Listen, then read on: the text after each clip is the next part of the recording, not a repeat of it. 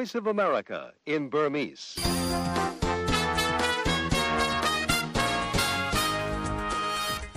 မင်္ဂလာရှိတဲ့မနက်ခင်းဖြစ်ကြပါစေခင်ဗျာ VOA American တန်ရဲ့2021ခုနှစ်အောက်တိုဘာလ3ရက်တနင်္ဂနွေနေ့မနက်ခင်းအစီအစဉ်လေးကို American ပြည်ထောင်စု Washington DC မြို့တော်ကနေလိုင်းနိုမီတာ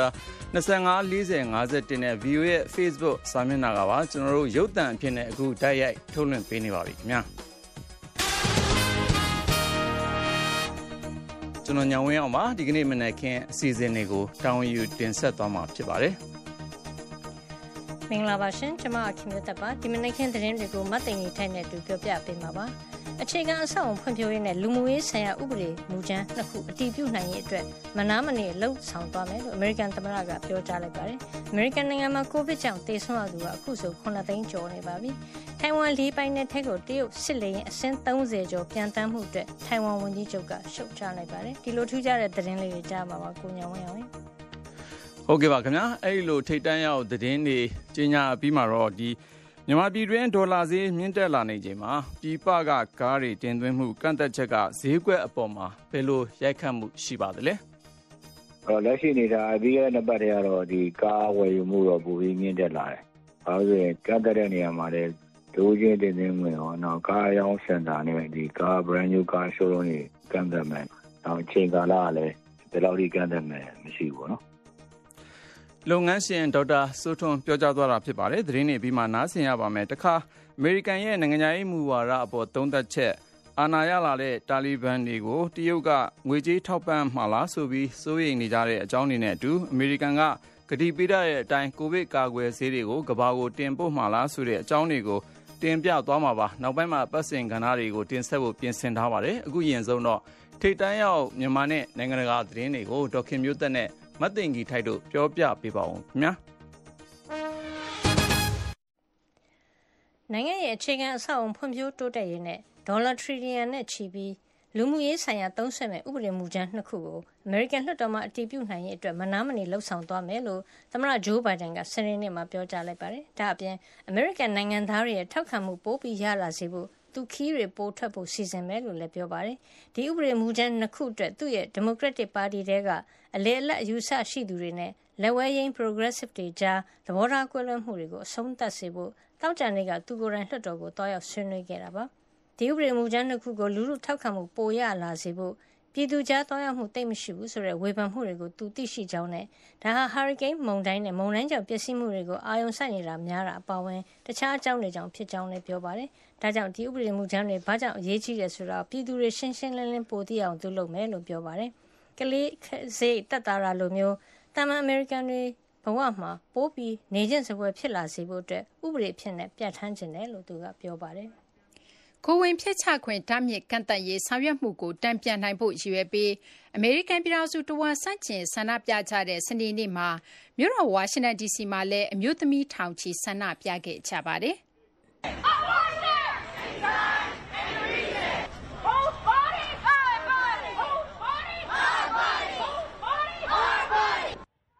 ကိုယ့်ခန္ဓာကိုယ် ကိုယ်ရွေးချယ်မှုနဲ့ ကိုယ့်ရဲ့ အခွင့်အရေးလို့ အဓိပ္ပါယ်ရတဲ့ My Body My Choice My Right ဆိုတဲ့ ကြွေးကြော်သံတွေ ဆိုင်းဘုတ်တွေ ကိုင်ဆောင်ပြီး ဆန္ဒပြခဲ့ကြတာပါ။ ကိုယ်ဝန်ဖျက်ချမှု အားလုံးနီးပါးကို တားမြစ်တဲ့ ဥပဒေတခုကို Texas ပြည်နယ်မှာ စက်တင်ဘာလ ၁ ရက်နေ့က ချမှတ်ခဲ့ပြီးနောက်ပိုင်း ဖြစ်နေတာ ကြာပြီဖြစ်တဲ့ လုပ်ထုံးလုပ်နည်းဆိုင်ရာ အခြေအတင်တွေ ပိုပြီး တင်းမာလာပါတယ်။လွှတ်တော်တွေနဲ့ တရားရုံးတွေမှာ အပြန်အလှန် ထိုးနှက်မှုတွေ ရှိပေမယ့်လည်း စနေနေ့ မတိုင်ခင်အထိတော့ လူထုဆန္ဒပြပွဲတွေ သိပ်ပြီး မရှိခဲ့ပါဘူး။အမေရိကန် တရားရုံးချုပ် အစည်းအဝေးတွေ ပြန်လည်စတင်ဖို့ ၂ ရက်အလို ကိုယ်ဝန်ဖျက်ချခွင့် တောင်းဆိုသူတွေအနေနဲ့ နိုင်ငံတဝန်းမှာ တောင်းဆိုဆန္ဒပြကြဖို့ အဖွဲ့အစည်းပေါင်း ၂၀၀ နီးပါးက တိုက်တွန်းခဲ့ကြတာ ဖြစ်ပါတယ်။မြို့တော်ဝါရှင်တန်က ဆန္ဒပြပွဲမှာတော့ အမျိုးသမီး အများစုဖြစ်ပေမယ့် အမျိုးသားတွေလည်းပါတဲ့ အသက်အရွယ်ဆုံးလူထုက သမ္မတအိမ်ဖြူတော်အနီး ရင်ပြင်မှာ ချီတက် ဆန္ဒပြကြပါတယ်။ Roe vs Wade သမိုင်းဝင် စီရင်ချက်နဲ့ အမျိုးသမီးတွေ ကိုယ်ဝန်ဖျက်ချခွင့်ကို လွန်ခဲ့တဲ့ နှစ်ပေါင်း ၅၀ လောက်က အသိအမှတ်ပြုခဲ့တဲ့ တရားရုံးချုပ်ဆီကိုလည်း ဆန္ဒပြသူတွေ ချီတက်ခဲ့ကြပါတယ်။အ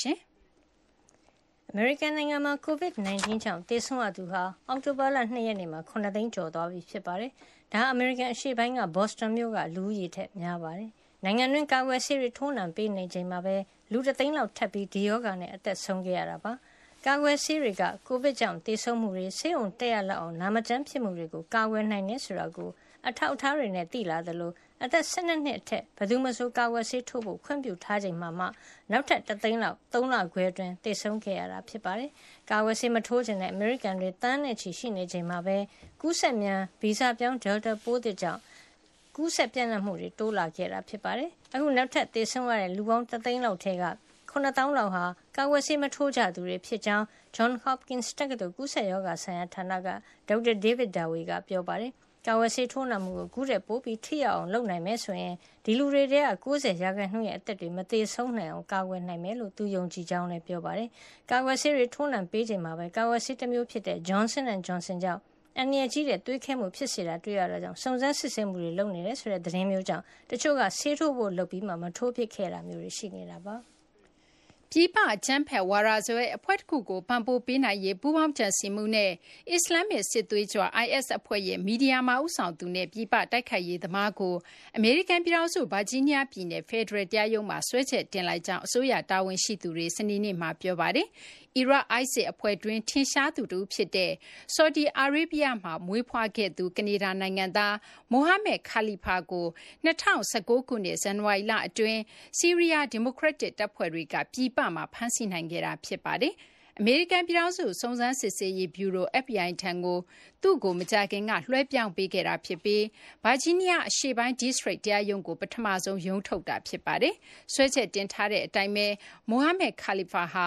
ISIS အဖွဲ့အတွင်း ဆီးရီးယားမှာ တိုက်ခိုက်ရုံတင် မဟုတ်ဘဲ သူဟာ အကြမ်းဖက်မှုတွေကို နောက်ွယ်က လှုံ့ဆော်ခဲ့သူလည်း ဖြစ်တယ်လို့ ဗာဂျီးနီးယား အရှေ့ပိုင်း District တရားရုံးရဲ့ ယာယီ အစိုးရရှေ့နေ Raj Parak ကပြောပါတယ်။အသက်38နှစ်အရွယ်ခါလီဖာဟာ IS အဖွဲ့တွင်း ၂၀၁၃ ခုနှစ်မှာ အရေးကြီးတဲ့ တာဝန်တွေ စယူခဲ့တာဖြစ်ပြီး IS နဲ့ SDF အဖွဲ့တွေကြား တိုက်ပွဲတွေနောက်ပိုင်း ဇန်နဝါရီလ ၂၀၁၉ ခုနှစ်မှာ အဖမ်းခံရချိန်ထိ ဆက်လက် တာဝန်ယူခဲ့တယ်လို့လည်း အမေရိကန် တာဝန်ရှိသူတွေက ပြောပါတယ်။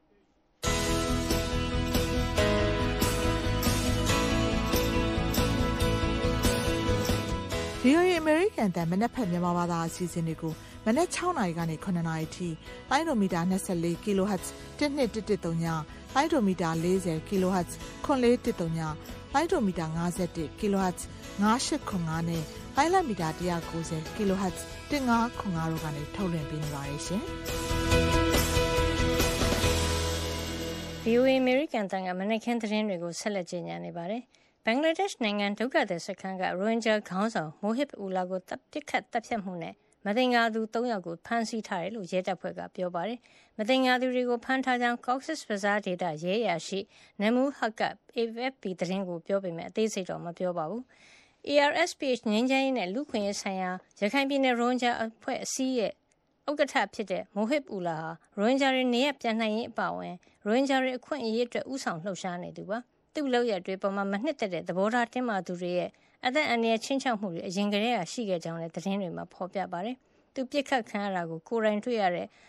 Habib Ullah ကတော့အာဆာရိုဟင်ဂျာအစွန်းရောက်အဖွဲ့လက်ချက်လို့ပြောပါတယ်။အာဆာအဖွဲ့ကတော့ရိုဟင်ဂျာခေါင်းဆောင်အသက်ခံရတဲ့ပေါ်တုံ့လှုပ်ဝမ်းနေကြောင်းနဲ့သူတို့အဖွဲ့ပေါ်ဆွဆွဲချာအခြေမြင့်မရှိဘူးလို့တုံ့ပြန်ထားတာပါ။ရခိုင်ပြည်နယ်ထဲမှာရှိတဲ့နေကြားဆောင်ကင်းစက်ခန်းတချို့ကိုအာဆာရိုဟင်ဂျာအစွန်းရောက်တွေက2019တုန်းကတိုက်ခိုက်ခဲ့တာကိုတုံ့ပြန်တဲ့မြန်မာစစ်တပ်ရဲ့စစ်ဆင်ရေးတွေကြောင့် နောက်ဆက်တွဲ သိန်းနဲ့ချီတဲ့ ဒုက္ခသည်တွေ ဘင်္ဂလားဒေ့ရှ်ဘက်ကို တိမ်းရှောင်သွားကြတာပါ မြန်မာအာဏာပိုင်တွေကတော့ ရိုဟင်ဂျာဆိုတဲ့ အသုံးအနှုန်းကို တရားဝင် အသိမှတ်ပြု လက်မခံပေမဲ့ရခိုင်ပြည်နယ်က ထွက်ပြေးသွားတဲ့ ဒုက္ခသည်တွေကိုစစ်စစ်လက်ခံမယ်လို့ ပြောဆိုထားပါတယ်။ ပါကစ္စတန်နိုင်ငံ အနောက်မြောက်ပိုင်းမှာ လုံခြုံရေးယာဉ်တန်းကို ညအချိန် ခြုံခိုတိုက်ခိုက်ခံရတာကြောင့် အရန်တပ်ဖွဲ့ဝင် ၅ ဦး သေဆုံးကြောင်း အာဏာပိုင်တို့က စနေနေ့မှာ အတည်ပြုပါတယ်။အာဖဂန်နစ္စတန်နဲ့ နယ်စပ်က မတည်မငြိမ်ဖြစ်နေတဲ့ မြောက်ပိုင်းဝါဇီရစ္စတန်ဒေသတွင်း အကြမ်းဖက်ဝါဒီတွေ အားလုံးကို ချေမှုန်းရှင်းလင်းနေကြောင်း စစ်တပ် ကြေညာချက်မှာ ဖော်ပြပါတယ်။ ပါကစ္စတန် တာလီဘန်လို့လည်း ခေါ်ကြတဲ့ မတရားအသင်း ကြေညာခံထားရတဲ့တာရစ်အီတာလီဘန်ပါကစ္စတန် TTP အဖွဲ့က ခြုံခိုတိုက်ခိုက်ခဲ့တာ ဖြစ်ကြောင်းလည်း ပြောဆိုကြပါတယ်။အစွန်းရောက် ဝါဒစွဲအဖွဲ့တွေ မဟာမိတ်ဖြစ်တဲ့ TTP ဟာ ပါကစ္စတန်တွင်းမှာ နှစ်ပေါင်းများစွာ အကြမ်းဖက်ဝါဒစွဲ တိုက်ခိုက်နေပြီး အရပ်သားနဲ့ လုံခြုံရေးတပ်ဖွဲ့ဝင် ထောင်ချီ သေဆုံးခဲ့ရပြီးလည်း ဖြစ်ပါတယ်။အာဖဂန်နယ်စပ်အနီးက TTP စခန်းတွေကို ပါကစ္စတန်က စစ်ဆင်ရေးလုပ် ချေမှုန်းခဲ့တာကြောင့် ထောင်နဲ့ချီတဲ့ စစ်သွေးကြွတွေ သေဆုံးခဲ့ရပြီး အာဖဂန်ဘက်ကိုလည်း ထွက်ပြေးကြပါတယ်။လုံခြုံရေးဆောင်ရွက်မှုတွေကြောင့် စစ်သွေးကြချင်းချောက်မှုတွေတိတိတသာ လျော့သွားသလို အကြမ်းဖက်မှုတွေလည်း လျော့သွားတယ်လို့ တာဝန်ရှိသူတွေက ပြောပါတယ်။ဒါပေမဲ့လည်း TTP ရဲ့ တိုက်ခိုက်မှုတွေက ဒီသတင်းပတ်တွေအတွင်းမှာ တိုးလာနေပါတယ်ရှင်။ထိုင်ဝမ်လေကြောင်းပိုင်နက်ထဲ တရုတ်စစ်တပ်က စစ်လေယာဉ် ၃၈ စင်း သောကြာနေ့က ပျံသန်းခဲ့တာအတွက် ထိုင်ဝမ်ဝန်ကြီးချုပ် Su Tseng-chang က အပြစ်တင်ရှုတ်ချလိုက်ပါတယ်။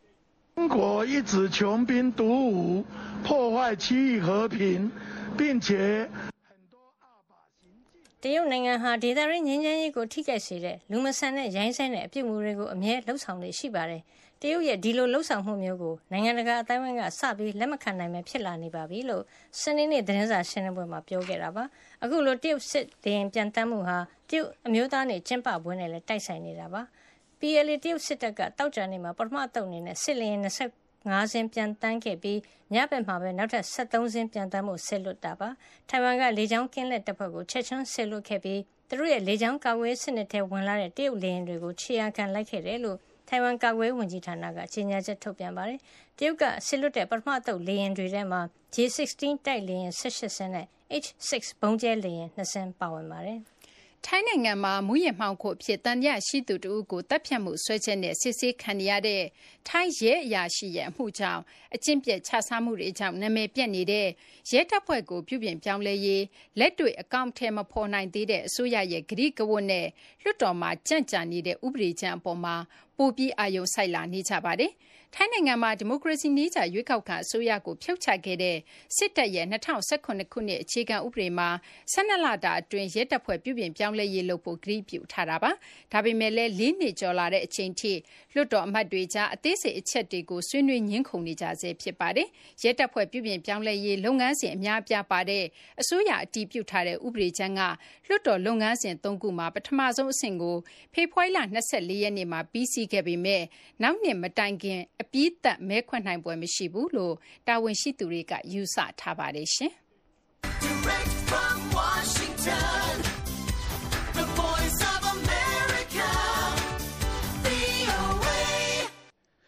ထိတန်းရောက်သတင်းတွေကိုဒေါခင်မျိုးသက်နဲ့မတ်တင်ကြီးထိုက်တို့ပြောပြခဲ့ကြတာပါခင်ဗျာအပတ်စဉ်ကဏ္ဍတွေမတိုင်ခင်မှာသတင်းပေးပို့ချက်တွေကိုစတိုက်ဆိုသလိုထုတ်လွှင့်သွားမှာဖြစ်ပါတယ်အဲ့ဒီတဲကမှမြမအကားဈေးကွက်အခြေအနေကိုကြည့်ရအောင်ပါ မြန်မာနိုင်ငံမှာ ကျပ်ငွေနဲ့ ဒေါ်လာလဲနှုန်း မြင့်မားလာချိန်မှာ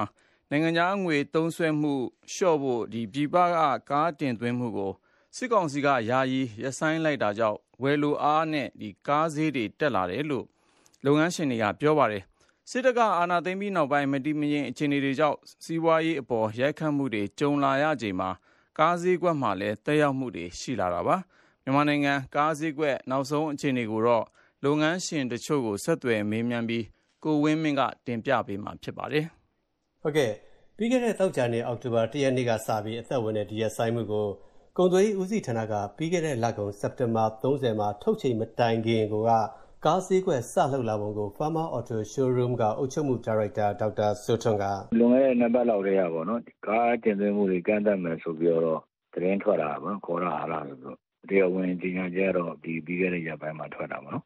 ကြိုတင်ပြီးတော့ မျှော်လင့်ထားတာတော့ မရှိပါဘူး။အဲ့တော့လက်ရှိအနေအထားပြီးခဲ့တဲ့နှစ်ပတ်ထဲကတော့ဒီကားဝယ်ယူမှုတော့ ပိုပြီးမြင့်တက်လာတယ်။ဘာလို့လဲဆိုရင် ကားတင်သွင်းမှု ပိတ်မယ်။ကန့်သတ်တဲ့နေရာမှာလည်း တဦးချင်းတင်သွင်းခွင့်ရောနောက်ကားအရောင်းစင်တာနဲ့ဒီကား brand new car showroom တွေ တင်သွင်းမှုအားလုံးကို ကန့်သတ်မယ်။နောက် အချိန်ကာလကလည်း ဘယ်လောက်ထိ ကန့်သတ်မယ် မရှိဘူးပေါ့နော်။အဲဒါကြောင့် ပြီးခဲ့တဲ့ဒီနှစ်ပတ်လောက်ကစပြီးတော့မှ ကားဈေးတွေ တက်လာတယ်။ကားဝယ်ယူမှုကတော့ ပိုပြီးမြင့်တက်လာတယ်။နောက်ကားတင်သွင်းမှု ကန့်သတ်တာကြောင့်တခုတည်းတော့ မဟုတ်ဘူး ကျွန်တော်ဒေါ်လာကိုအသုံးပြုရတဲ့အတွက်ကြောင့်မလို့ဒေါ်လာဈေးတက်တဲ့ဟာကြောက်လည်းပါတာပေါ့နော်အဲ့တော့ဒါတော့ကားမျိုးစားလိုက်ပြီး10ရာခိုင်နှုန်းကနေပြီး40ရာခိုင်နှုန်းလောက်ထိတက်သွားတယ်ဒီလိုကန့်သတ်လိုက်တဲ့အတွက်ကြောင့်မို့တော့ဒီဘက်မှာတော့ဒီကားနဲ့ပတ်သက်ပြီးလုပ်ငန်းလုပ်နေတဲ့ကားရှိုးရုံးတို့ကားရောင်းစင်တာတွေတော့ကတော့ခက်ခဲဖြစ်တာပေါ့နော်သူကဖွင့်ဖို့အတွက်ကလည်းသူကနံပါတ်1ကနားမှာလည်းမနေရမှာတယ်စောက်ဦးစောက်ရတယ်ဝန်ထမ်းတွေခန့်ရတာရှိတယ်ပေါ့နော်အဲသူတို့ကတော့ဆက်ပြီးတော့မှလုပ်ငန်းဆောင်ရွက်ဖို့အတွက်တော့အခက်အခဲရှိတယ်ဒီနေရာမှာ ဘာကြောင့်အခုလို ကားဝယ်လိုအားများ ဈေးစတက်လာပုံကိုလည်းမြန်မာ Trade Center ကားအယောင်းစင်တာက အုပ်ချုပ်မှုဒါရိုက်တာ ဒေါက်တာကျော်ကျော်အောင်က ဝယ်လိုက်တဲ့ဆိုရင်ဟာတော့ နှစ်ချက်ပေါ့တစ်ချက်ကတော့ ဒီကားလိုက်စင် တင်သွင်းခွင့်ကြီးရန်နာလိုက်တယ်ဆိုတဲ့အပေါ်မှာတော့ လူကြီးကဝယ်ကြတယ်ပေါ့နော် နောက်တစ်ခုကတော့လေဝီဝီအပြောင်းလဲက များတဲ့အခါကျတော့ဟုတ်ရင်ပြီးတော့လေဝယ်တဲ့လူတွေရှိကြတာပေါ့နော် ဟိုဒီအပိုင်းကတော့လေအယောင်ပိတ်ရတဲ့ အနေအထားလောက်ဒီကို ဖြစ်တယ် ဝယ်လူအားများတော့လေ တော်တော်များများဆိုရင်လည်းအခုကုံတလောက်နီးပါတော့ဖြစ်သွားတာပေါ့နော်ကြောင်းမှုလေဒါဟိုဝယ်ရောင်းများ မဟုတ်ပဲနဲ့ EV တွေကဟိုဟာလည်းတီးတော့ဒီတိုင်းလေးဝယ်ကြရင်အခုဒီ spelling တွေဆိုရင် ရှိတဲ့ကားကြီးတွေ အကုန်မရှိတော့ဘူးခင်ဗျ ရောင်းပြီးသွားပြီပေါ့နော်မလီဘူးဆိုလည်းကျွန်တော်တို့ကုန်သွားပြီ အခု on the way မှာဒါတဲ့ဒီနေ့စီအလောက်လောက်ပဲ ရှိတယ်အဲကျန်တဲ့ကားလေးတွေတော့လည်းဒီတော်တော်များများ ကုန်တလောက် ဖြစ်သွားတာပေါ့နော် အရင်ဈေးသက်တော်တွေ 20 to 30%လောက်တော့ တက်သွားတယ်ခင်ဗျဟိုဥပမာဆိုလို့ရှိရင် ကျွန်တော်တို့ မာလီဘူးဆိုရင် အရင်ကကျွန်တော်တို့900စုံစုံလောက် ရောင်းကြတယ် ဒါပေမဲ့ အခုကျတော့980 600အဲ့ဒီလောက် ဖြစ်သွားတယ်ပေါ့နော်ဟိုတကယ်ဖြစ်တဲ့ ငွေကြီးပြောင်းလဲသွားတာက90ရာခိုင်နှုန်းလောက် ပြောင်းလဲသွားပြီမယ်တကယ်တမ်း ဒီကားတန်ဖို့ကတော့ 20 to 30%လောက်တော့ တက်ကြပါတယ် ဒါအပြင် လက်ရှိခက်ခဲပုံများလာဖို့နဲ့ ရှေ့ဆက်ဆိုရင်ရပုံကိုလည်း တရုတ်ကားတွေကိုအဓိကရောင်းတဲ့ကား showroom ကိုဥဆောင်လုပ်သူရောင်နီဦး Automobile Company Limited ရဲ့ဥက္ကဋ္ဌမြန်မာနိုင်ငံ Automotive အသင်းရဲ့ဥက္ကဋ္ဌဖြစ်တဲ့ဥအောင်ဝင်းကလည်းဒေါ်လာဈေးတွေတအားတက်ပြီးတော့ကျွန်တော်တို့ဒီဒီကားစက်တာမှာလည်းဒီတော်တော်အခက်အခဲတွေ့တာပေါ့နော်ဘယ်လိုအခက်အခဲတွေ့လဲဆိုတော့အကျွေးနဲ့ရောင်းထားတဲ့ကမောင်ဝီတွေမှာလက်ထက်မှာရှိနေပြီးတော့ ပြန်ပို့ဖို့လည်းနော်အဲအခက်အခဲကြုံရတာပေါ့နော် အဲ့လိုပဲဒီအတိတ်ထပ်သွင်းမှုကြောင့်လည်းအဲ့ဒီဒေါ်လာတွေဝယ်ဖို့อ่ะနည်းနည်းခက်နေတာပေါ့နော် ကျွန်တော်တို့ကလက်သလုံးမှာတော့ကျွန်တော်တို့လက်ကျန်ကားတွေ ရောင်းကြဖို့ပဲရှိတာပေါ့နော် ဒါပေမဲ့ ကြာကြာပိတ်ထားလို့တော့ မရဘူးပေါ့နော် ဘာလို့လဲကျွန်တော်တို့တိုင်းပြည်က လူကြီးကတန်း90ရှိတော့ဒီမော်တော်ယာဉ်သုံးဆွဲမှုကလည်း များတယ်ဟုတ်ကဲ့ပိတ်ထားရင်တော့ နောက်ကအကျိုးသက်အနေနဲ့ ကားသေးဒါတက်လာတာဖြစ်မှာနော်ဟိုဟိုတုန်းကလို့ပေါ့ဒါပေမဲ့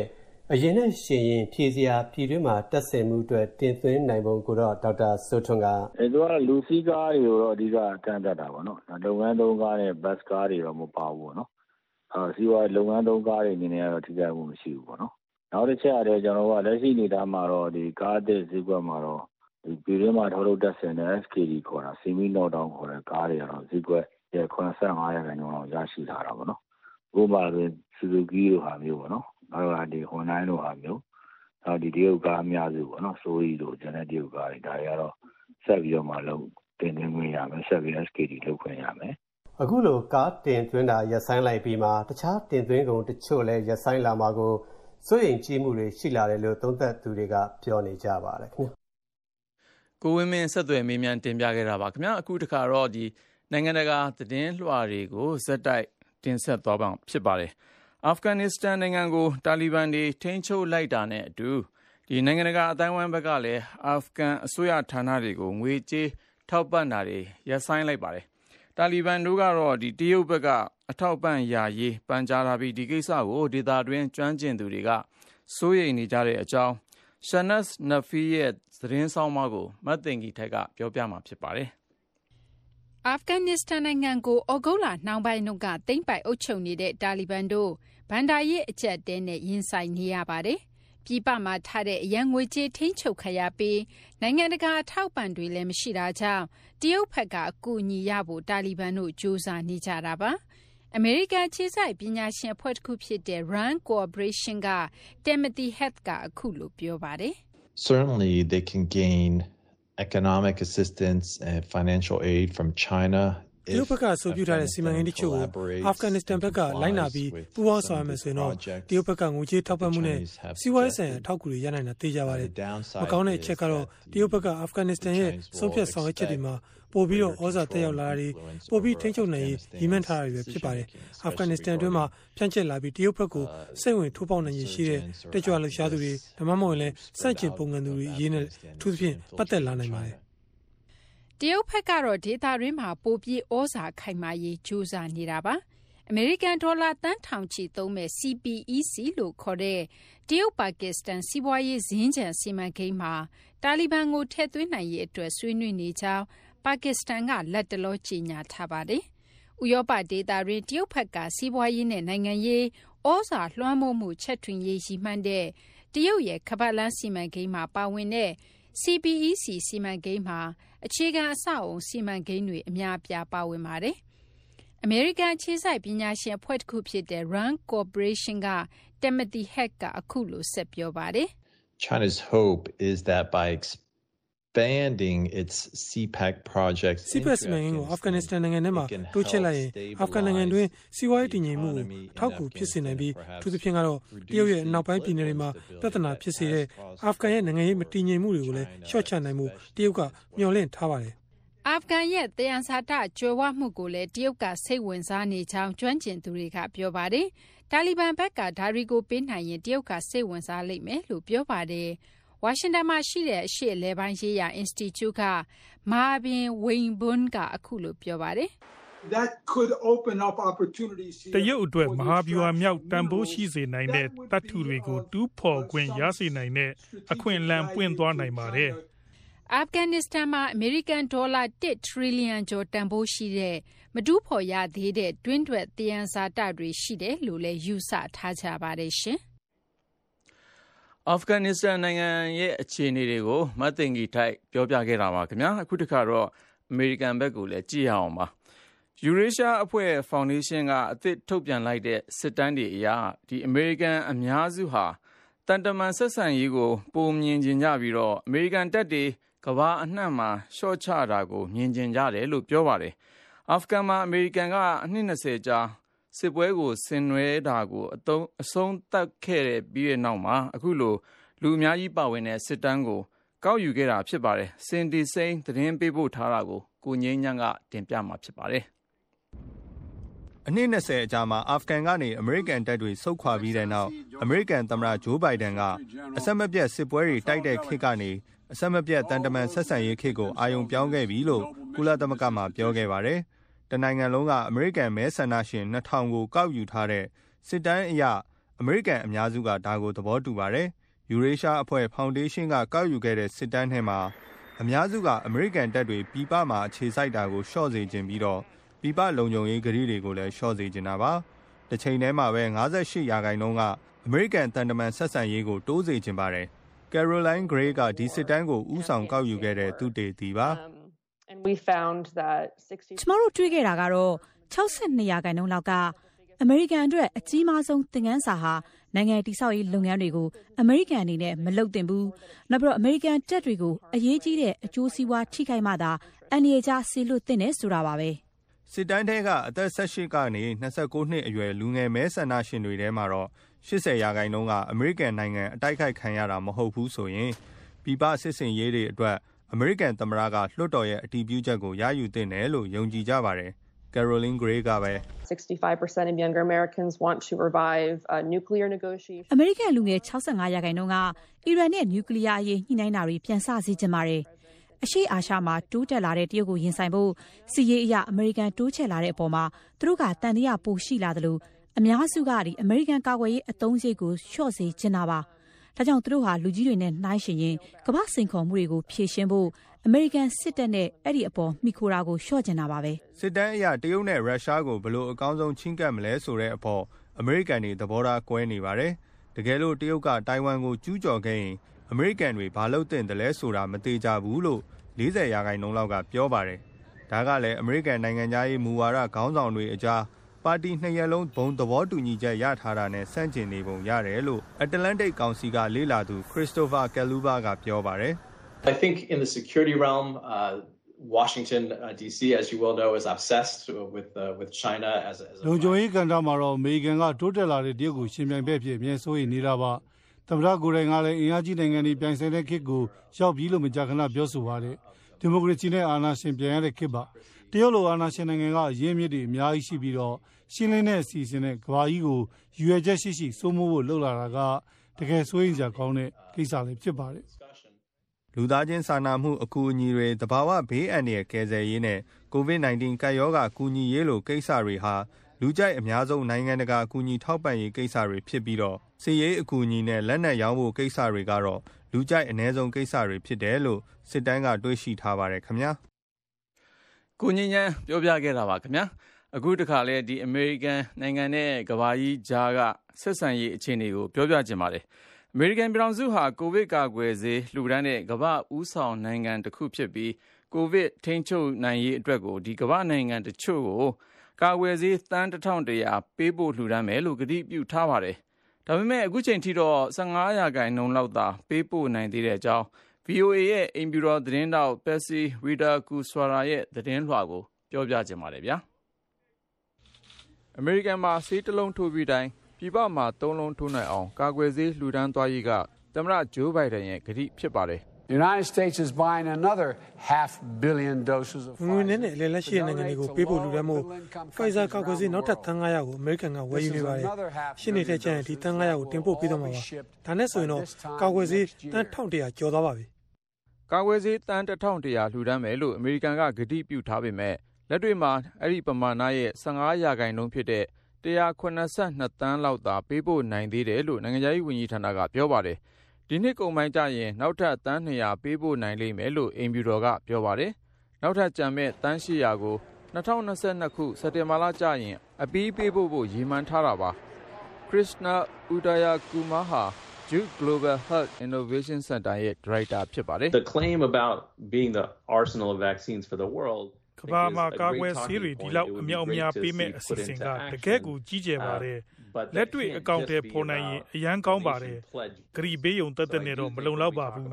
အဲ့ဒီတော့ဒီကာကွယ်ဆေးဘယ်လိုရနိုင်မယ်ဘယ်လိုဖြန့်ပြူးမယ်ဆိုတဲ့အကြောင်းပြောကြတဲ့အခါဘယ်သူကကာကွယ်ဆေးတကယ်ရနေတယ်လဲဆိုတဲ့ဖြစ်စဉ်တစ်ခုလုံးကိုခြုံကြည့်ဖို့လိုမယ်ထင်ပါတယ်တကယ်တော့ကဘာမှာကာကွယ်ဆေးထိုးပြီးတဲ့သူတွေရဲ့80ရာခိုင်နှုန်းဟာ ချမ်းသာတဲ့နိုင်ငံတွေမှာဖြစ်ပြီး ဝင်ဝင်နေတဲ့နိုင်ငံတွေမှာတော့ ကာကွယ်ဆေးရတာ1ရာခိုင်နှုန်းအောက်မှာသာ ရှိပါတယ်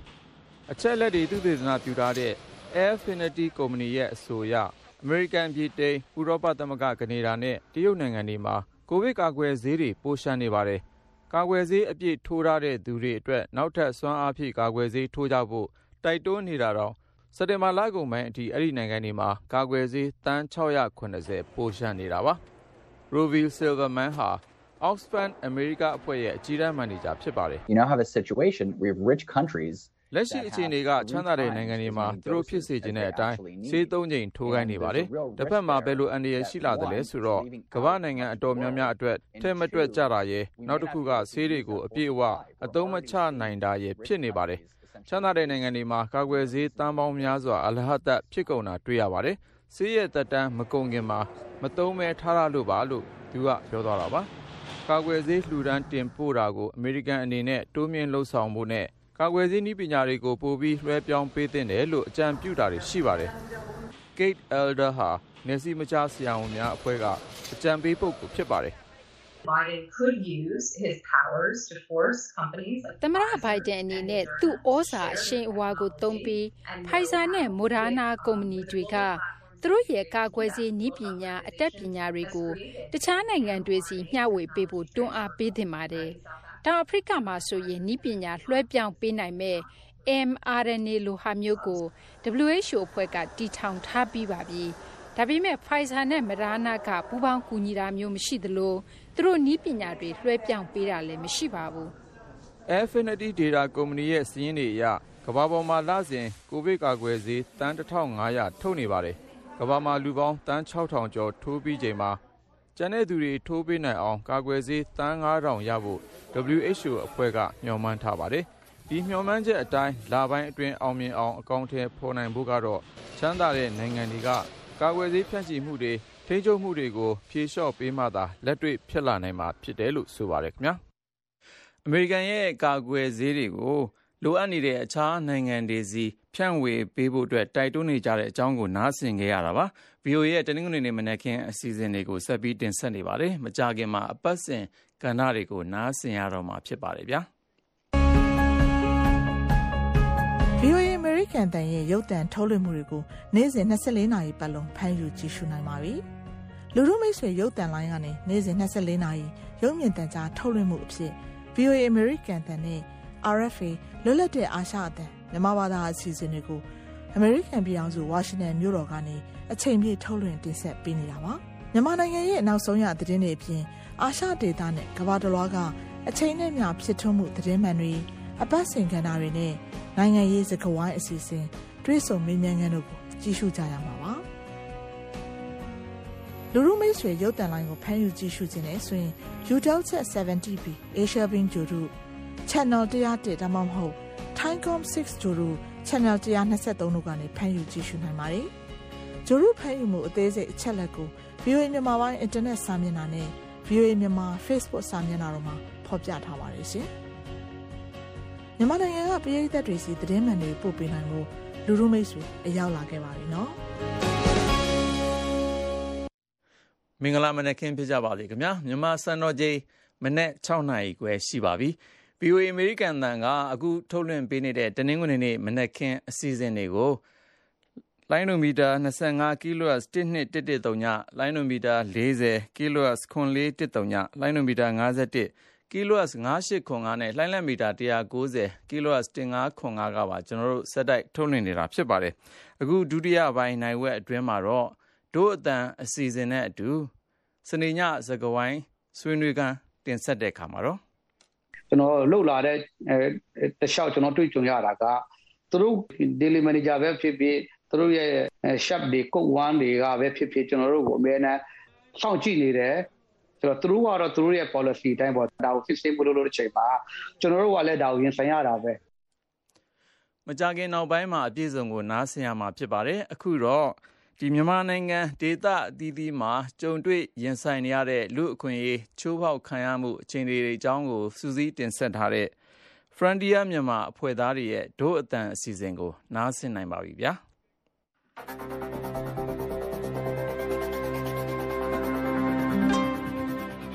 မင်္ဂလာပါရှင်မြန်မာနိုင်ငံတဝမ်းမှာရှိတဲ့လူအခွင့်အရေးနဲ့ပတ်သက်တဲ့အကြောင်းအရာတွေကို တင်ဆက်ပေးနေတဲ့ ဒို့အတန်ပတ်စင် podcast အစီအစဉ်ကနေကြိုဆိုလိုက်ပါတယ်။ဒီအစီအစဉ်ကို Foundation Hero တဲကတင်ဆက်တာဖြစ်ပါတယ်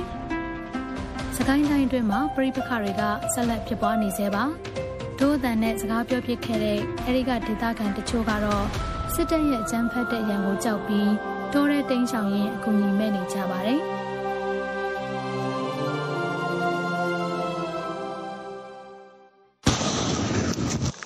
ရွာထဲမှာအုံငနဲ့ပောက်ကွဲတန်ကြားလိုက်တာနဲ့ကိုစုံစော်တို့အထုပ်ပိုးတွေပြင်ပြီးတောထဲကိုထွက်ဖို့ပြင်ရပါတော့တယ်။မကြခင်ရွာထဲကိုစစ်သားတွေဝင်လာပြီးစစ်ဆေးမင်းမြန်းနိုင်တာကြောင့်သူကတခြားဒေသခံတွေပါရွာထဲမှာမနေရဲကြတော့ပါဘူး။စက်တင်ဘာလပထမဘက်ကဒီပင်းမျိုးနဲ့မလှမ်းမကန်းရွာတီရွာမှာရွာချိတ်လန်းကိုစစ်ကားဖြတ်မောင်းနေချိန်ဘုံပေါက်ကွယ်မှုဖြစ်ပွားခဲ့ပါတယ်။ဒီလိုပေါက်ကွဲမှုအပြီးမှာစက်တိုင်းဆိုသလို တနက်နဲ့စစ်သားတွေကပြစ်ခတ်တာကြောင့်ကိုစောစောလိုရွာရဲနေသူတွေဟာတောထဲကိုပြေးပုံကြရပါတယ်။ဘယ်ဖွဲ့စည်းရလောက်တယ်ဆိုတာမျိုးလဲအဲဒီရောက်တာမပြီးဘူးဗျာ။ဒီနေ့မီးရကြတော့ကျွန်တော်တို့ရွာအေးကြောက်တာပေါ့။အလုံးဆိုတော့အဲဒီဘောင်းနေပါတွေကွဲလိုက်ပြီးကွဲပြီးချင်းကြတော့တို့ကလည်းရမ်းနေတက်တာပေါ့အဲ့လိုရွာထိရွာထိကားတိနေပေါ့နော်အဲ့နဲ့လည်းတော့ဆော့တို့လည်းပြစ်တယ်။အဲ့လိုပြစ်တဲ့ခါကျတော့ရွာတဲ့လူလည်းမနေရဲဘူးအကုန်လုံးကလည်း ပြီးတဲ့လူကြီးရော လူငယ်ရောပေါ့နော် ရှောင်းမဲရှောင်းမဲဆိုပြီးတော့ အကုန်လုံးထပ်တင်းရှောင်းမဲတယ် လူငယ်တွေကျတော့ နောက်ရက်လောက်အထိကို ပြန်မလာဘူး အာနာသိမ့်ပြီးနောက်ပိုင်း သူတို့တွေ တောထဲကို အခုလို ရှောင်ပုန်းနေရတာ၅ချိန်ထက်မနည်း ရှိပြီဖြစ်ပါတယ်။မက်လာတတိယဘတ်အတွင်ကသူတို့ရွာအနီးမှာ ရဲနှဦးတေဆုံးခဲ့စဉ်ကလည်းတက်တဲ့ ရဲရင်အား100လောက်က လာရောက်တက်ဆွဲခဲ့ပြီး ဒေသခံ6ဦးကို ဖမ်းဆီးခေါ်ဆောင်က9ရက်ကြာမှ ပြန်လွှတ်ခဲ့ပါတယ်။ ဒါအပြင်ကဏီကျေးရွာမှာချွတ်မပြေးပဲကြန့်ရှိခဲ့တဲ့ရွာသားတွေကိုရိုင်းနှံနှိမ့်ဆက်တာတွေရှိတယ်လို့သတင်းတွေပြန့်နှံ့နေပါတယ်။အဲ့ဒီအဖြစ်အပျက်တွေဖြစ်ပြီးရဲ့နောက်မှာတော့ရွာထဲကိုစစ်သားတွေဝင်လာတော့မဲ့အရေးအယောင်မြင်တာနဲ့ပဲတရွာလုံးနီးပါးရှောင်ပြေးရတော့တယ်လို့ဆိုပါတယ်။စကိုင်းတိုင်းဟာစစ်ရေးပြင်းထန်တဲ့တဲမှာပါဝင်ပြီးအထက်ချင်းတွင်းဒေသတွေအလောင်းတော်ကတပနဲ့တဝိုင်းနဲ့ဒီပဲရင်နဲ့စကိုင်းကချင်နယ်ဇက်တွေမြောင်ချောင်းဦးစားတဲ့နယ်တွေမှာစစ်ကောင်စီတပ်တွေနဲ့ PDF တွေ အပြန်အလှန်ပစ်ခတ်မှုဖြစ်ပွားလေးရှိပါတယ်။စကိုင်းတိုင်းရဲ့38မြို့နယ်မှာဆယ်မြို့နယ်ထက်မနည်းကလက်နက်ကင်တော်လှန်ရေးပြုလုပ်နေကြတာဖြစ်ပါတယ်။စစ်ကားတွေမိုင်းဆွဲခံရတာပျောက်ကြားစနစ်နဲ့တိုက်ခိုက်ခံရတာတွေရှိပြီးဆိုရင်အဲ့ဒီအနီးနားပတ်ဝန်းကျင်ရွာတွေကရွာသူရွာသားတွေဟာထွက်ပြေးတိမ်းရှောင်ကြရပါတော့တယ်။ပြောကြတော့ကျမမကြောက်ဘူးဆိုပြီးအဲလူတွေကုန်ထွက်ကြပေါ့ကျမကလေးကတလာသားလေးဆိုတော့လေမိုးလေးရလဲပွားပွားလေးကြာနေတော့ဖျားမှာဆိုတာနဲ့မထွက်ဘူး။အဲ့နဲ့သူက ဝင်လာကြပြီးတော့အင်ရှင်တို့အင်ရှင်တို့နဲ့ ဆိုင်ကယ်နှစ်စီးနဲ့ ၄၅ ယောက်လောက်နေမှာပေါ့။အဲ့နဲ့ ကျမကလည်း မထူးမထူးပဲနဲ့ သူတို့မြင်တော့မြင်တော့ကျမလည်းဒီရှိဘက်လေဘက်ကို ထွက်လာတော့ပလဲမြို့နယ်အတွင်းက ရွာတွေကို ရှာဖွေစဉ်မှာ မိခင်တဦးက သူကြုံတွေ့ခဲ့ရတဲ့ ဖြစ်စဉ်ကို ပြန်ပြောပြတာ ဖြစ်ပါတယ်။စစ်သားတွေ အိမ်ရှိရောက်လာချိန်မှာ အသက်ခံရမှကြောက်လန့်ပြီးဖက်နှက်တောင် မစည်းနိုင်တော့ပဲမိုးရေရဲ့ခလေးချီပြီး ထွက်ပြေးခဲ့တာ ဖြစ်ပါတယ်။ ရွာထဲကထွက်မသွားခင်သူ့အိမ်ကိုလည်းမှွေနောက်ရှဖွေသွားတယ်လို့ပြန်ပြောပြပါတယ်။ပန်းဆက်ရွာနားမှာနေထိုင်တဲ့သူတဦးကတော့သူ့အနေနဲ့ခဏခဏပြေးရတာများတဲ့အပြင်သူ့ရွာမှာမနေရတာကြောင့်တခြားမှာအိမ်ငှားနေတယ်လို့ဆိုပါတယ်။အေးကျွန်တော်တို့နဲ့တစ်ဆက်ကန်းရွာပန်းဆက်ဖြစ်နေရောလေ။အဲ့မှာစစ်တပ်ကထိုင်ထားတော့ကြတော့နောက်တဲ့နေရာသူတို့တိုင်းတိုင်းနဲ့ဆိုတော့လူကြီးတွေကလည်းကြောက်လန့်ပြီးတော့ညတိုင်းအိမ်မရဖြစ်တာလေအေဂျင့်နဲ့ပဲကြောင်းနေကြပါလို့မျိုးပေါ့။ ဒါဆိုတတိယမြောက်ပြေးတာ။ဟောလောက်လို့ရှိတယ်၃လလောက်လို့ရှိတယ်။အဲ့တော့လည်းနေလို့ရတယ်နှစ်ခါရှိဆိုတော့ ကျွန်တော်တို့ကတော့ကျွန်တော်တော့ထဲမှာ အလုံးလုံးနေသူတဲလေးမှာတော့ခုကတ်နေနေရဆိုလေနှစ်ခေါက်သုံးခေါက်တော့အဆင်မပြေတော့လို့မို့ဒီနောက်ဆုံးခေါက်တော့အဲကိုယ်လည်း ဒီကလေး ပြောင်းနေရအောင်ဆိုတော့လေအိမ်ငါပြီး နေဖြစ်သွားလို့ပါ တချို့ဒေသခံတွေဟာ စစ်တပ်က လက်နက်ကင်ခုခံသူတွေကို စတင်ချီးမုံကြတဲ့က တောထဲနေလာရတာအခုဆိုလာနဲ့ချီကြနေပါပြီအဲ့ဒီထဲမှာဒေါ်သိန်းသိန်းတို့မိသားစုလည်းပါပါတယ်73နှစ်အရွယ်သမီးလေးနဲ့6နှစ်အရွယ်သားလေးတို့ကိုခေါ်လာပြီးဧပြီလကလေးကအခုထိတောထဲမှာဖြစ်တယ်လို့နေထိုင်နေတယ်လို့ရင်ဖွင့်လာပါတယ်။သမီးလေးကလည်းဟိုအပြိုလည်းမဖြစ်သေးကလေးလည်းမဟုတ်သဘောစကားလေးဆိုအာသူများတပြင်းတဲတွေပါတွေထားမှလည်းယောက်ျားလေးတွေလည်းအဲ့လိုရှောင်းပြုံးပုံနေရတာတွေပေါ်တော့ကြတော့အဲ့နွားဆောင်လေးတစ်ခုအဲ့လိုမျိုးနွားဆောင်လေးတွေမှာမိသားစုလေးယောက်ပြအေးရတာပဲ။ဘော ရွာနေရင်လည်း အဆင်ပြေမှာမဟုတ်လို့ တော်ရဲနေတာပဲ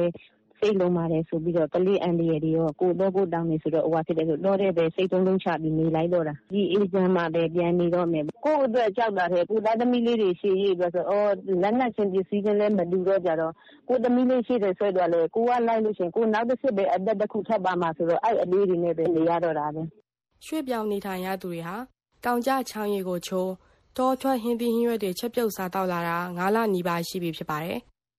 အကာမရှိရဲ့နွားဆောင်တဲထဲမှာနေရတယ်လို့ကျမကြီးအပေါ့ပါသွားဖို့အင်သာလည်းမရှိဘူးလို့ဆိုပါတယ်။တိုက်ပွဲတွေခဏခဏဖြစ်ပွားနေတဲ့ကဏီမြို့နယ်ချင်းတွင်းမြစ်အရှိတ်ဘက်ကန်ကရွာသူရွာမှာနေထိုင်တဲ့ဦးဝင်းကလည်းတောထဲမှာရှောင်ပုန်းနေရတာကာလကြာလာတာနဲ့အမျှခက်ခဲလာတယ်လို့ဆိုပါတယ်။သူက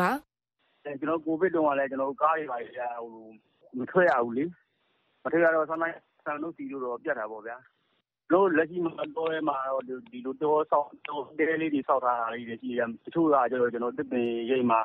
မိုးကာလေးနဲ့ ဆွဲပြီး နေရတာပေါ့ဗျာဟိုမညဆိုရင်တညာလုံးမှုပဲဗျာ မညဆို ထိုင်းနေရတာပဲဟိုဆိုတော့တဲရလည်း မလုံးလူကလည်းအများတော့အဲ့လိုမရဘူးပေါ့ကျွန်တော်မျိုးကြီးဆိုရင် ကလေးနေထားတာဟိုလောက်ပဲရှိသေးတယ်10ရက်လောက်ပဲ ရှိသေးတယ် ကလေးဆိုတော့ ကလေးနည်းနည်းနဲ့ဆိုပူဆိုတော့ကျွန်တော်တို့ ဒီမှာဟိုချင်းတို့ပါလို့ တောထဲမှာဆိုချင်းတို့ပါလို့ကြောက်ရတယ်လေ ပြီးတော့ တဲကျွန်တော်တို့ဘက်က မိုးက တအားကောင်းတာလေခုဆိုနှစ်ညလေးနှစ်ညရှိပြီ ဆက်ရွာဆိုတော့ တအားအေးအောက်ကလည်းအဆိုးနေတာပေါ့ဗျာဆန္ဒရိတ်တာလေး ထောက်ပံ့နိုင်ရင်ရကြမှာပေါ့ဗျာ ကမ္ဘာကူလာသမဂ္ဂအဖွဲ့အစည်းတစ်ခုဖြစ်တဲ့ UN OCHA ရဲ့ ထုတ်ပြန်ချက်အရ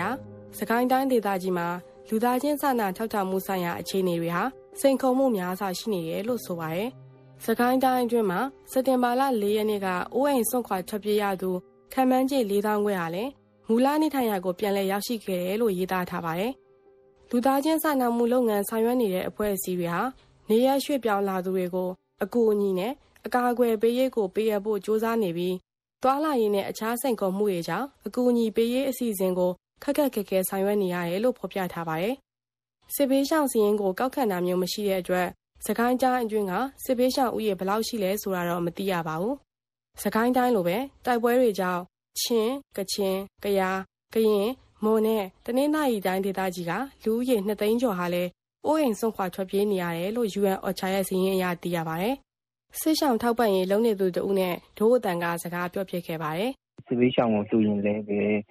မလိုရင်မလိုတဲ့အချိန်မှာဖမ်းဆီးခံရတဲ့အနေအထားလည်းရှိရတယ်။လူရှင်ရောအမှုခံတဲ့သူပေါ့ ဒီတနေရာနဲ့တနေရာကျွန်တော်တို့ပစ္စည်းတွေတည်တဲ့နေရာတချို့ကားတွေကမတင်ကျင်ကြတာတွေလည်းရှိတယ်ပေါ့ဒါစပေးရှောင်းနေအတွက်ပစ္စည်းတွေဆိုတော့အကယ်၍များဒီပစ္စည်းတွေကိုမိသွားခဲ့ရင်တွေ့သွားခဲ့ရင်ပစ္စည်းတွေ့သွားရင်ဖမ်းခံရမှာလားပေါ့အဲ့လိုမျိုးတွေလည်းစိုးရင်စိတ်ကြီးနဲ့အဲ့လိုဖြစ်နေကြတာပေါ့ဒီစပေးရှောင်းအတွက်အဓိကတော့ဆေးဝါးပေါ့ဗျာပုံမှန်ကတော့ဆေးဝါးကဒီဖြားတာနားတယ်အဲကလေးတွေဟိုရင်ပေါ့ ဖျားလို့နာလို့မို့ဆေးဝါးလေးတွေကူညီပေးပါဦးပေါ့ဒီလိုမျိုးကူညီတောင်းတယ်ပေါ့ဒီနေ့ကူညီတောင်းတာကို3-4ရက်နေကအကူညီပေးနေတာမျိုးတော့ရှိတယ်။ဘာလို့လဲဆိုတော့သူတို့ကဒီလမ်းမှာပိတ်ပြီးတော့မှအဲ့လိုမျိုးစစ်တာဆေးတာတွေဆေးဝါးတွေတွင်ယူဆောင်သွားတာမျိုးတွေပစ္စည်းတွေယူဆောင်သွားတာရှိတဲ့အတွက်ကြောင့်မလို့နှောင့်နှေးကြန့်ကြာတာတော့အဲ့လိုမျိုးတွေရှိတယ်။ဟိုတော့အင်တာနက်လိုင်းကဆက်သွယ်တာရှိရလေ။ခုကျအင်တာနက်လိုင်းမှာတို့တို့တွေတော့ဒီလိုမျိုးတို့ရမှာအာ ဒီလိုလိုဖြစ်နေတယ်အကူအညီပေးပါအောင်ဆိုတော့မလွယ်ဘူးတဲ့ပုပ္ပဒီလိုမျိုးအင်တာနက်လိုင်းဖြစ်လိုက်တဲ့အတွက်ကြောင့်မို့လို့အကူအညီပေးနိုင်ဖို့ဆိုတော့သူတို့ရဲ့ဒေသခံရွာတွေရွာလေးတွေပေါ့ဗျာအဲ့ဒီလိုအပ်ချက်တွေကမသိတော့အဲ့ဒါလည်းတော်တော်ခက်ခဲတဲ့အနေအထားစိန်ခေါ်မှုပဲလက်ရှိအချိန်မှာတော့စစ်ကောင်စီနဲ့စစ်ရေးတင်းမာဒေသ25ခုကိုအင်တာနက်လိုင်းဖြတ်တောက်ချပြီးအဲ့ဒီအထဲမှာစကိုင်းတိုင်းဒေသကြီးကရင်းမပင်ရတော့ကနီပလဲရေဦးဒဇယ်ဘူးတလင်တို့ပါဝင်ပါတယ် စစ်ပေရှောင်းတွေထဲမှာအင်ကိုပြန်လိုက်တောထဲပြေးပုံလိုက်မလုတ်ချင်တော့တာကြောင့်ပြည်သူအောင်ပွဲရတဲ့အထိတောထဲပဲနေမယ်လို့ဆုံးဖြတ်လိုက်သူတွေလည်းရှိပါတယ်။စကိုင်းကနေရက်စွန့်ခွာနေရသူမိခင်တူဖြစ်တဲ့ဒေါ်သိန်းသိန်းကတော့တည်ငြိမ်အေးချမ်းတဲ့အချိန်အမြန်ဆုံးရောက်စေချင်နေပါတယ်။လူများရွာတွေလည်းအလိုမီးရေးထင်းကြီးရစစိတ်မချဘူးလို့ကြားတော့ကြတော့အဲ့ဒါအဲ့လိုမျိုးဆိုတော့ပြီးစေချင်လာပြီးရွာလည်းကိုကဟိုတော့တဲ့နေလက်ဆနဲ့ဆိုတော့ပြန်နေလို့ကအဆင်မပြေသေးဘူးဆိုတော့နေတာကတော့ပြန်နေချင်လာပြီဗျ ငင်းငင်းငန်းငန်းဖြစ်စေချင်လာပြီခုတင်ဆက်ပေးခဲ့တဲ့အစီအစဉ်ကိုနားဆင်ကြရလို့ကျင်းနေမယ်လို့ဒိုးတန်ခွဲသားတွေကမျှော်လင့်ပါတယ်။လုံခြုံရေးအခြေအနေတွေကြောင့်ဆောင်းမတွင်ပါဝင်သူတွေရဲ့အမိကိုပြောင်းလဲအသုံးပြုထားပါတယ်။ဒိုးတန်အတန်လွှင့်အစီအစဉ်ကိုဒိုးတန်ရဲ့ Facebook စာမျက်နှာ SoundCloud YouTube iTunes တို့ကနေလည်းဝင်ရောက်နားဆင်နိုင်မှာဖြစ်တယ်လို့ VOA ကထုတ်လွှင့်တဲ့ရေဒီယိုအစီအစဉ်မှာလည်းစနေနေ့ည9:00နာရီကနေ 10:00နာရီတွင်းနဲ့တနင်္ဂနွေနေ့နနက်6:00နာရီကနေ9:00နာရီတွင်းမှာလည်းနားဆင်နိုင်ပါတယ်။ဒီအစီအစဉ်ကိုလူရှင်တွေကပံ့ပိုးကူညီထားပြီး Foundation Hero တဲကတင်ဆက်တာဖြစ်ပါတယ်။ဒို့အတန်အစီအစဉ်ကိုနားဆင်ပေးတဲ့အတွက်ကျေးဇူးတင်ပါတယ်ရှင်။မြန်မာနိုင်ငံတွင်းဒေသအသီးသီးမှာရင်ဆိုင်ကြုံတွေ့နေရတဲ့လူအခွင့်အရေးချိုးဖောက်ခံနေရတဲ့အခြေအနေတွေကိုစူးစီးတင်ဆက်ထားတဲ့ဒို့အတန်အစီအစဉ်ကိုနားဆင်ကြရတာဖြစ်ပါတယ်ခင်ဗျာ ကျွန်တော်တို့ရဲ့အစီအစဉ်ထုတ်လွှင့်မှုတွေကိုအင်တာနက် website စာမျက်နှာဖြစ်တဲ့ burmese.voanews.com မှာလည်းကျွန်တော်တို့ထုတ်လွှင့်ပေးသမျှသတင်းတွေပတ်စင်ကဏ္ဍတွေနဲ့ဗီဒီယိုဖိုင်တွေကိုလာရောက်ဖတ်ရှုနားဆင်နိုင်ပါတယ်ခင်ဗျာအခုတခါတော့စနေညစကဝိုင်းတင်ဆက်ဖို့အချိန်ရောက်ပါပြီအမေရိကန်ပြည်ထောင်စုမှာရွှေပြောင်းအခြေချသူမြန်မာတွေအတော်များများလုပ်ကင်နေကြတဲ့ဆူရှီလုပ်ငန်းဟာအကျိုးအမြတ်လည်းများသလို တစ်ဖက်မှာလည်း ရင်ဆိုင်ရတဲ့ အခက်အခဲတွေ ရှိတယ်လို့ အောင်မြင်နေတဲ့ ဆူရှီလုပ်ငန်းရှင်တူကပြောပါတယ် ဆူရှီလုပ်ငန်းရှင်ဖြစ်တဲ့ပူးကျန်လန်ခုတ်ကို မအင်ဂျင်နိုင်က မေးမြန်းတင်ဆက်ထားပါတယ်ခင်ဗျာမင်္ဂလာပါရှင်မင်္ဂလာပါခင်ဗျာ ဟုတ်ကဲ့ရှင်အခုဒီ American ပြည်ထောင်စု Tennessee ပြည်နယ်မှာဟိုပြီးခဲ့တဲ့သတင်းပတ်ကဒီဆူရှီလုပ်ငန်း လုပ်ကင်နေတဲ့ ချင်းတိုင်းသားတအုပ်ကနေပြီးတော့ သူလုပ်တဲ့ဒီ food market ပေါ့နော် အဲ့ဒီဆိုင်မှာသူကနေပြီးတော့အာဒီဟိုဟာပေါ့နော်ပြစ်ခတ်မှုဖြစ်ခဲ့တယ်ပေါ့လေအဲ့ဒီမှာသူအဲ့ဒီဝန်ထမ်းတွေကိုလည်းသူပြစ်ခဲ့တယ်လို့အဲ့မှာတယောက်တည်တယ်နောက်တော်တော်ဟိုဟာပေါ့ဟိုချိုးတွေလည်းဒဏ်ရာရကြတယ်ပေါ့နော်နောက်သူကိုယ်တိုင်ကကြတော့သူ့ကိုယ်သူပြစ်တက်သွားတယ်ပေါ့လေသူဆိုတော့ဒီလိုဖြစ်ရကကိုခုတို့လိုဒီဆူရှီလုပ်ငန်းလုပ်ကင်နေတဲ့ အမေရိကန်ပြည်ထောင်စုမှာရှိတဲ့ဒီမြန်မာနဲ့တိုင်းရင်းသားတွေပေါ့လေအဲ့ဒါတွေရဲ့ဒီဆူရှီလုပ်ငန်းကိုဘလို့ရိုက်ခတ်မှုတွေရှိလဲရှင်နောက်ဆက်တွဲအနေနဲ့อืมဟုတ်ကဲ့အဲဒါနဲ့ပတ်သက်ပြီးမှကျွန်တော်ပထမဦးဆုံးအနေနဲ့ပေါ့နော်ဒီ Tennessee မှာတည်ဆုံသွားခဲ့တဲ့ကျွန်တော်တို့ညီလေးပေါ့နော်အာကိုအိုက်ထန်းနဲ့ပတ်သက်ပြီးမှဟောသူဒီလိုမျိုးဖြစ်သွားတာကိုကျွန်တော်အနေနဲ့ အဲပြန်ပြီးမှကြားရတဲ့ချိန်မှာနော်တွေ့ရတဲ့ချိန်မှာသတင်းတွေကနေပြန်ပြီးတွေ့ရတဲ့ချိန်မှာကျွန်တော်ကလုံးဝအဲစိတ်မကောင်းဘူးအယံဝမ်းနေတယ်အဲပြီးတော့သူ့ရဲ့ကြံရည်တဲ့မိသားစုတွေနဲ့အတူထပ်တူထပ်မြဝမ်းနေတယ်ဆိုတဲ့စကားကိုကျွန်တော်ပြောချင်တယ်ပြီးတော့သူနဲ့အတူပဲအဲဒီအဲ food market မှာသူတို့အဲ pick up မှုမှာတည်ဆုံသွားတဲ့အဲသူတယောက်ရဲ့သူ့ရဲ့မိသားစုရဲ့တိခိုက်တန်ရာရသွားတဲ့အဲသူတယောက်ချင်းစီတိုင်းအတွက်လည်းကျွန်တော်မကောင်းဘူးသူတို့မိသားစု တက်ဆိုင်ရာအတီးတီးနဲ့သူကျွန်တော်အတူကိုอ่ะပေါ့နော်ထပ်တူထပ်မြခံစားရတယ်ဆိုတဲ့အကြောင်းကျွန်တော်ပထမဦးစွာပြောလို့တယ်နောက်ပြီးတော့ခုနအာအမအင်ဂျင်နိုင်မေးသွားတဲ့အဲအတပြောသွားတဲ့အတိုင်းပဲပေါ့နော်ဒီလူဖြစ်တဲ့ case ကနေပြီးမှကျွန်တော်တို့မြန်မာအဲဆူရှီအဲဈေးကွက်စီးပွားရေးတစ်ခုမှာကျွန်တော်တို့ကတော်တော်များများထိခိုက်သွားနိုင်တဲ့အခြေအနေတွေလည်းရှိနိုင်တယ်ကြရိုက်ရိုက်သွားနိုင်တဲ့အခြေအနေတွေလည်းရှိတယ်ဆိုတော့ဒါနဲ့ပတ်သက်ပြီးမှကျွန်တော်တို့ပြောရမယ်ဆိုရင်တော့ ဟိုသူ့ရဲ့အရင်မြစ်ဒီလိုဖြစ်ရတဲ့အကြောင်းကြီးအရင်မြစ်ကိုကျွန်တော်တို့ကကျွန်တော်တို့ဒီရှိဆူရှီရှိပွဲလောကအမှဝင်နေတဲ့သူတွေကအတိကကျွန်တော်တို့အဖြေရှာဖို့တော့လိုအမယ်လို့ကျွန်တော်မျှော်လင့်တယ်ပေါ့နော်ဒီဖြစ်ရတဲ့ပတ်သက်လို့ဆူရှီလောကမှာပြောနေကြတဲ့တိတ်တစ်ခုကလည်းအဲခွဲခြားမှုပေါ့နော်ခွဲခြားဆက်ဆံခံရတယ်ဆိုတော့ဆိုတော့အဲ့လိုအမြင်နေတဲ့အဲရှိနေတဲ့ခါကြတော့ဒီဟာနဲ့ပတ်သက်လို့ကိုခုရဲ့အမြင်ရောဘယ်လိုရှိလဲရှင် ကျွန်တော်ရဲ့ဆူရှီတွေ့ကြုံဖြစ်တန်းလာခဲ့တဲ့9နှစ်တာကာလအတွင်းပေါ့နော်အခုလက်ရှိကျွန်တော်အမေရိကန်နေရောက်တဲ့အချိန်ကစပြီးမှကျွန်တော်တို့ကမိသားစုရှိပွားရေးဆူရှီလုပ်ငန်းတစ်ခုအနေနဲ့ franchise ယူထားတာကိုကျွန်တော်အကိုကပထမဦးဆုံးဒီဆူရှီ franchise လုပ်ငန်းကိုသူကလည်းစလုပ်ခဲ့တယ်နယူးယောက်မှာပေါ့နော်အဲအဲ့လိုအဲ့လိုနဲ့ကျွန်တော်တို့လည်းကျွန်တော်တို့အဲကျွန်တော်လည်းဒီကျွန်တော်အကူအားဖြင့်သူ့ရဲ့ဆိုင်မှာကျွန်တော်တို့မိသားစုလုပ်ငန်းအနေနဲ့ကျွန်တော်လည်း လုပ်သွားအဲလုပ်ခဲ့တယ်ပေါ့နော်လုပ်လာရင်းကနေမှကျွန်တော်ကိုရှင်ရွှင်ကျွန်တော်ကဆူရှီလုပ်တဲ့လုပ်တက်တန်းကကျွန်တော်ရဲ့တက်တန်းက9နှစ်ဖြစ်နေပြီလက်ရှိကျွန်တော်ကတော့အဲဆူရှီ hash up အနေနဲ့ကျွန်တော်တို့ဒီထိုစာအောက်ကလာဟိုမာမှာကျွန်တော်လုပ်နေတယ် Tokyo Garden ပေါ့နော်ကျွန်တော်တို့ဆိုင်ကအဲ့မှာကျွန်တော် hash up အနေနဲ့ကျွန်တော်လုပ်နေတယ်ဆိုတော့ကျွန်တော်ဖြစ်တန်းလာတဲ့ဒီအတွေ့အကြုံကပြောမှဆိုရင်ခုနပြဿနာကြီးကဒီ food market မှာရှိတဲ့ franchise ယူတဲ့ contractor ဒီဒီနဲ့ပတ်သက်ပြီးမဖြစ်တဲ့ပြဿနာအဲ့ဒါမှကျွန်တော်တို့ဘယ်လိုလဲဆိုတော့ကျွန်တော်တို့ဆော့ဆော့ပြောသွားဆော့ဆော့တော့ပြောသွားတယ်လို့ပဲဒီ food market မှာကျွန်တော်တို့ကရောက်လာပြီဆိုတော့အနေ food market ကနေကျွန်တော်တို့ food market အောက်မှာကျွန်တော်တို့ပါရှိလာလဲဆိုတော့ကျွန်တော်တို့က daily department ဆိုတာရှိတယ်ဆိုတော့ကျွန်တော်တို့စားတော့ကောင်လုပ်ငန်းနဲ့ပတ်သက်သမျှအားလုံးက daily ရဲ့အောက်မှာရှိတယ်ဆိုတော့ daily အောက်မှာရှိတဲ့အတွက် daily ဒီမှာရှိတဲ့ daily manager တွေ supervisor တွေနော်ခုတ်1ခုတ်2ဆိုတာရှိတယ်အဲ့ဒါလေးတွေကနေအဲ့ဒီဟာတွေက CBC ကျွန်တော်တို့ကိုသူက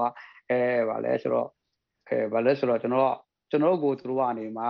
ဗာလားအဲထိမ့်ချုပ်ထားတာပေါ့နော်ကျွန်တော်တို့ကိုသူတို့ကနေမှအဲစီမံကွက်ကဲထားတာပေါ့နော်စီမံကွက်ကဲနေတာပေါ့ဆိုတော့အဲ့ဒီမှာဘာဖြစ်လာလဲဆိုတော့ကျွန်တော်ရဲ့အတွေ့အကြုံရအဲကျွန်တော်တို့မိသားစုကဒီဆူရှီလုပ်ငန်းထဲမှာလဲကျွန်တော်လှုပ်လာတဲ့အဲတခြားကျွန်တော်တွေ့ကြုံရတာကသူတို့ ဒီ daily manager တွေကနေ daily manager ပဲဖြစ်ဖြစ်သူတို့ရဲ့အဲ shop တွေ cook one တွေကပဲဖြစ်ဖြစ်ကျွန်တော်တို့ကိုအများနဲ့အဲစောင့်ကြည့်နေတယ်ဆိုတော့သူတို့ကတော့သူတို့ရဲ့ policy အတိုင်းပေါ့သူတို့လည်းဝန်ထမ်းတွေပဲဒါပေမဲ့ဝန်ထမ်းတွေဆိုမဲ့သူတို့ကခုနကျွန်တော်ပြောရလို့ used to ဖြစ်နေတဲ့ချိန်မှာဒါကို fix မလုပ်လို့တဲ့ချိန်မှာကျွန်တော်တို့ကလည်းဒါကိုရင်ဆိုင်ရတာပဲအဲရင်ဆိုင်ရတော့ okay ကျွန်တော်တို့ဒီမှာပြဿနာပါလဲဆိုတော့ခုတယောက်နဲ့တယောက် relationship အဲ social relationship လို့ခေါ်တယ်လို့ပြီးရင် communicate communicate ပေါ့နော်သူတို့နဲ့ကျွန်တော်တို့ communicate လုပ်တဲ့နေရာမှာဘာလို့ ਆ လဲဆိုတော့ကျွန်တော်အနေနဲ့ကျွန်တော်ဒါကိုကျွန်တော်တို့ဘယ်လိုရင်ဆိုင်လဲကျွန်တော်ဘယ်လိုဖြေရှင်းလဲဆိုတော့ okay အဲဒါလေးတွေကိုဒီလိုလုပ်ပေးပါနော်လို့ပြောလို့ဆိုရင်ဟုတ်ကဲ့ကျွန်တော်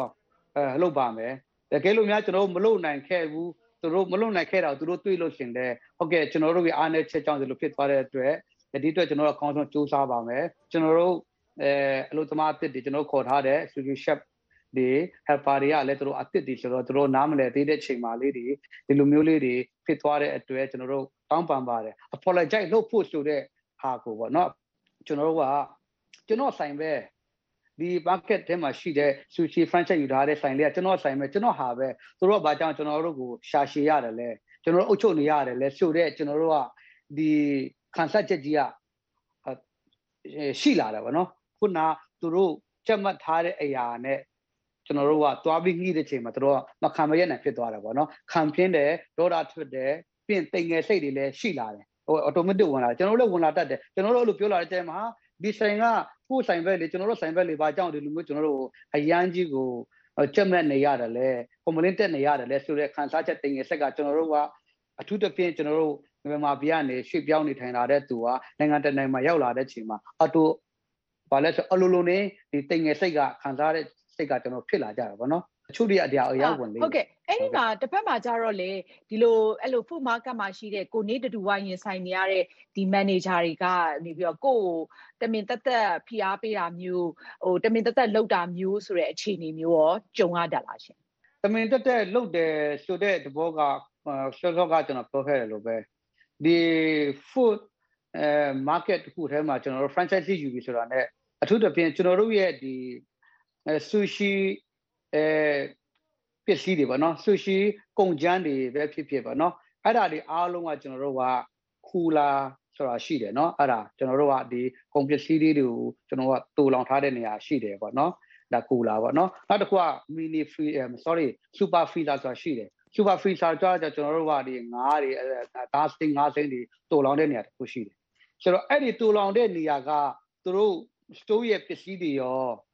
ကျွန်တော်တို့ရဲ့ sushi နဲ့ပတ်သက် sushi department ကပစ္စည်းတွေရောအဲ့ဒါမှရှိတယ်အဲကူလာထဲမှာလည်းအဲ့လိုပဲအတူတကွသုံးနေကြတာဒီကူလာထဲမှာနေတနေရာထဲမှာအဲ့ဒီမှာတော့သူတို့ခွဲထားတာသူ rap လေးတွေရှိတယ်သူတို့ rap လေးတွေရှိတယ်ပေါ့နော်အဲ့ဒါလေး compartment လေးတွေရှိတယ်ဆိုတော့အဲ့မှာထားတာဒါပေမဲ့အဲ့ဒီမှာသူတို့ကနေမှသူတို့လူတွေလည်းအဲ့ဒီက cook 1 cook 2 chef တွေလေလေး manager တွေလည်းအဲ့ထဲမှာဟိုထက်သွားလာပြီးမှသူတို့ပစ္စည်းတွေကိုယူကြရင်းနဲ့ကျွန်တော်တို့ အထားတူလေးတွေလိုအပ်တာလေးတွေရှိတယ်ပြီးတော့ခါတွေကြိုင်ကျွန်တော်တို့က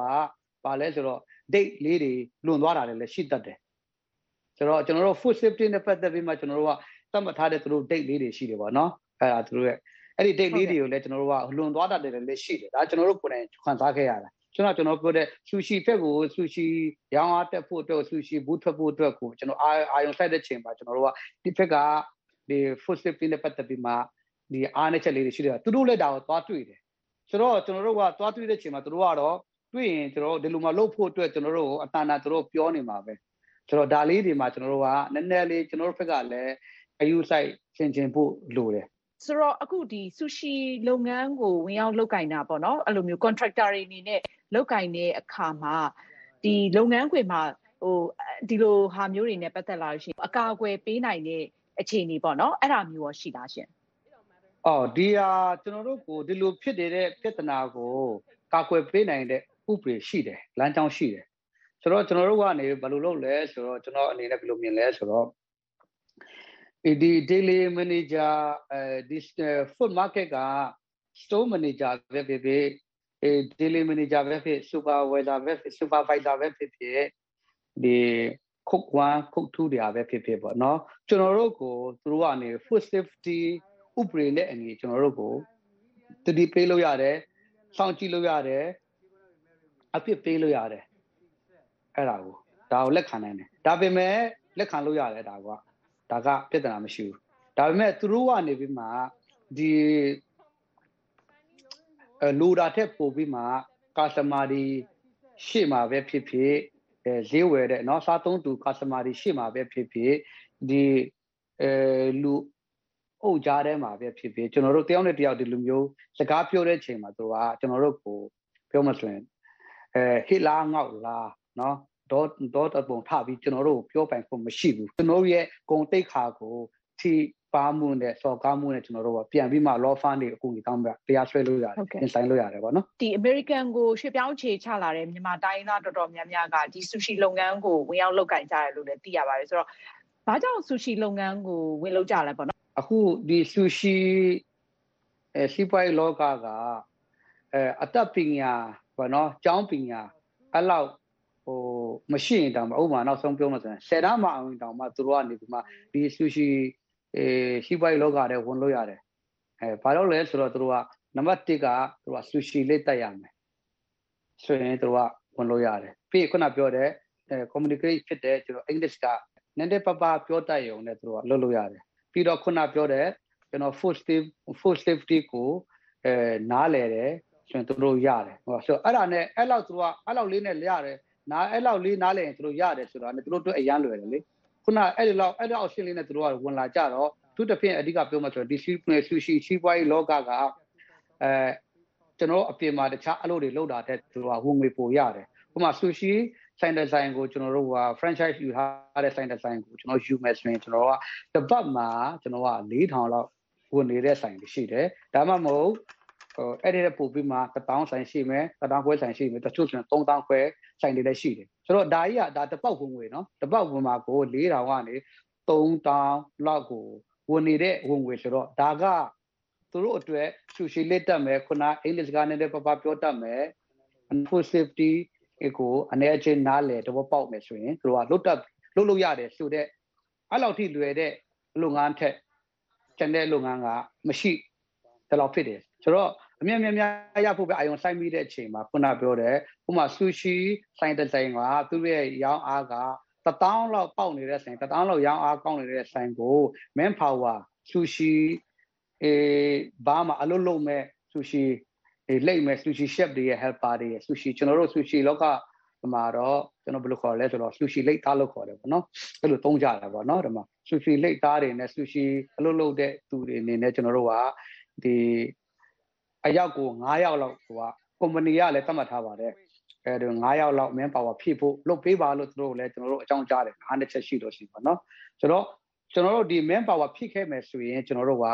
ဆူရှီလိတ်တဲ့သူကလိတ် ခုနတန်ရှင်းပိုင်းလုပ်တဲ့သူကလုပ်နေ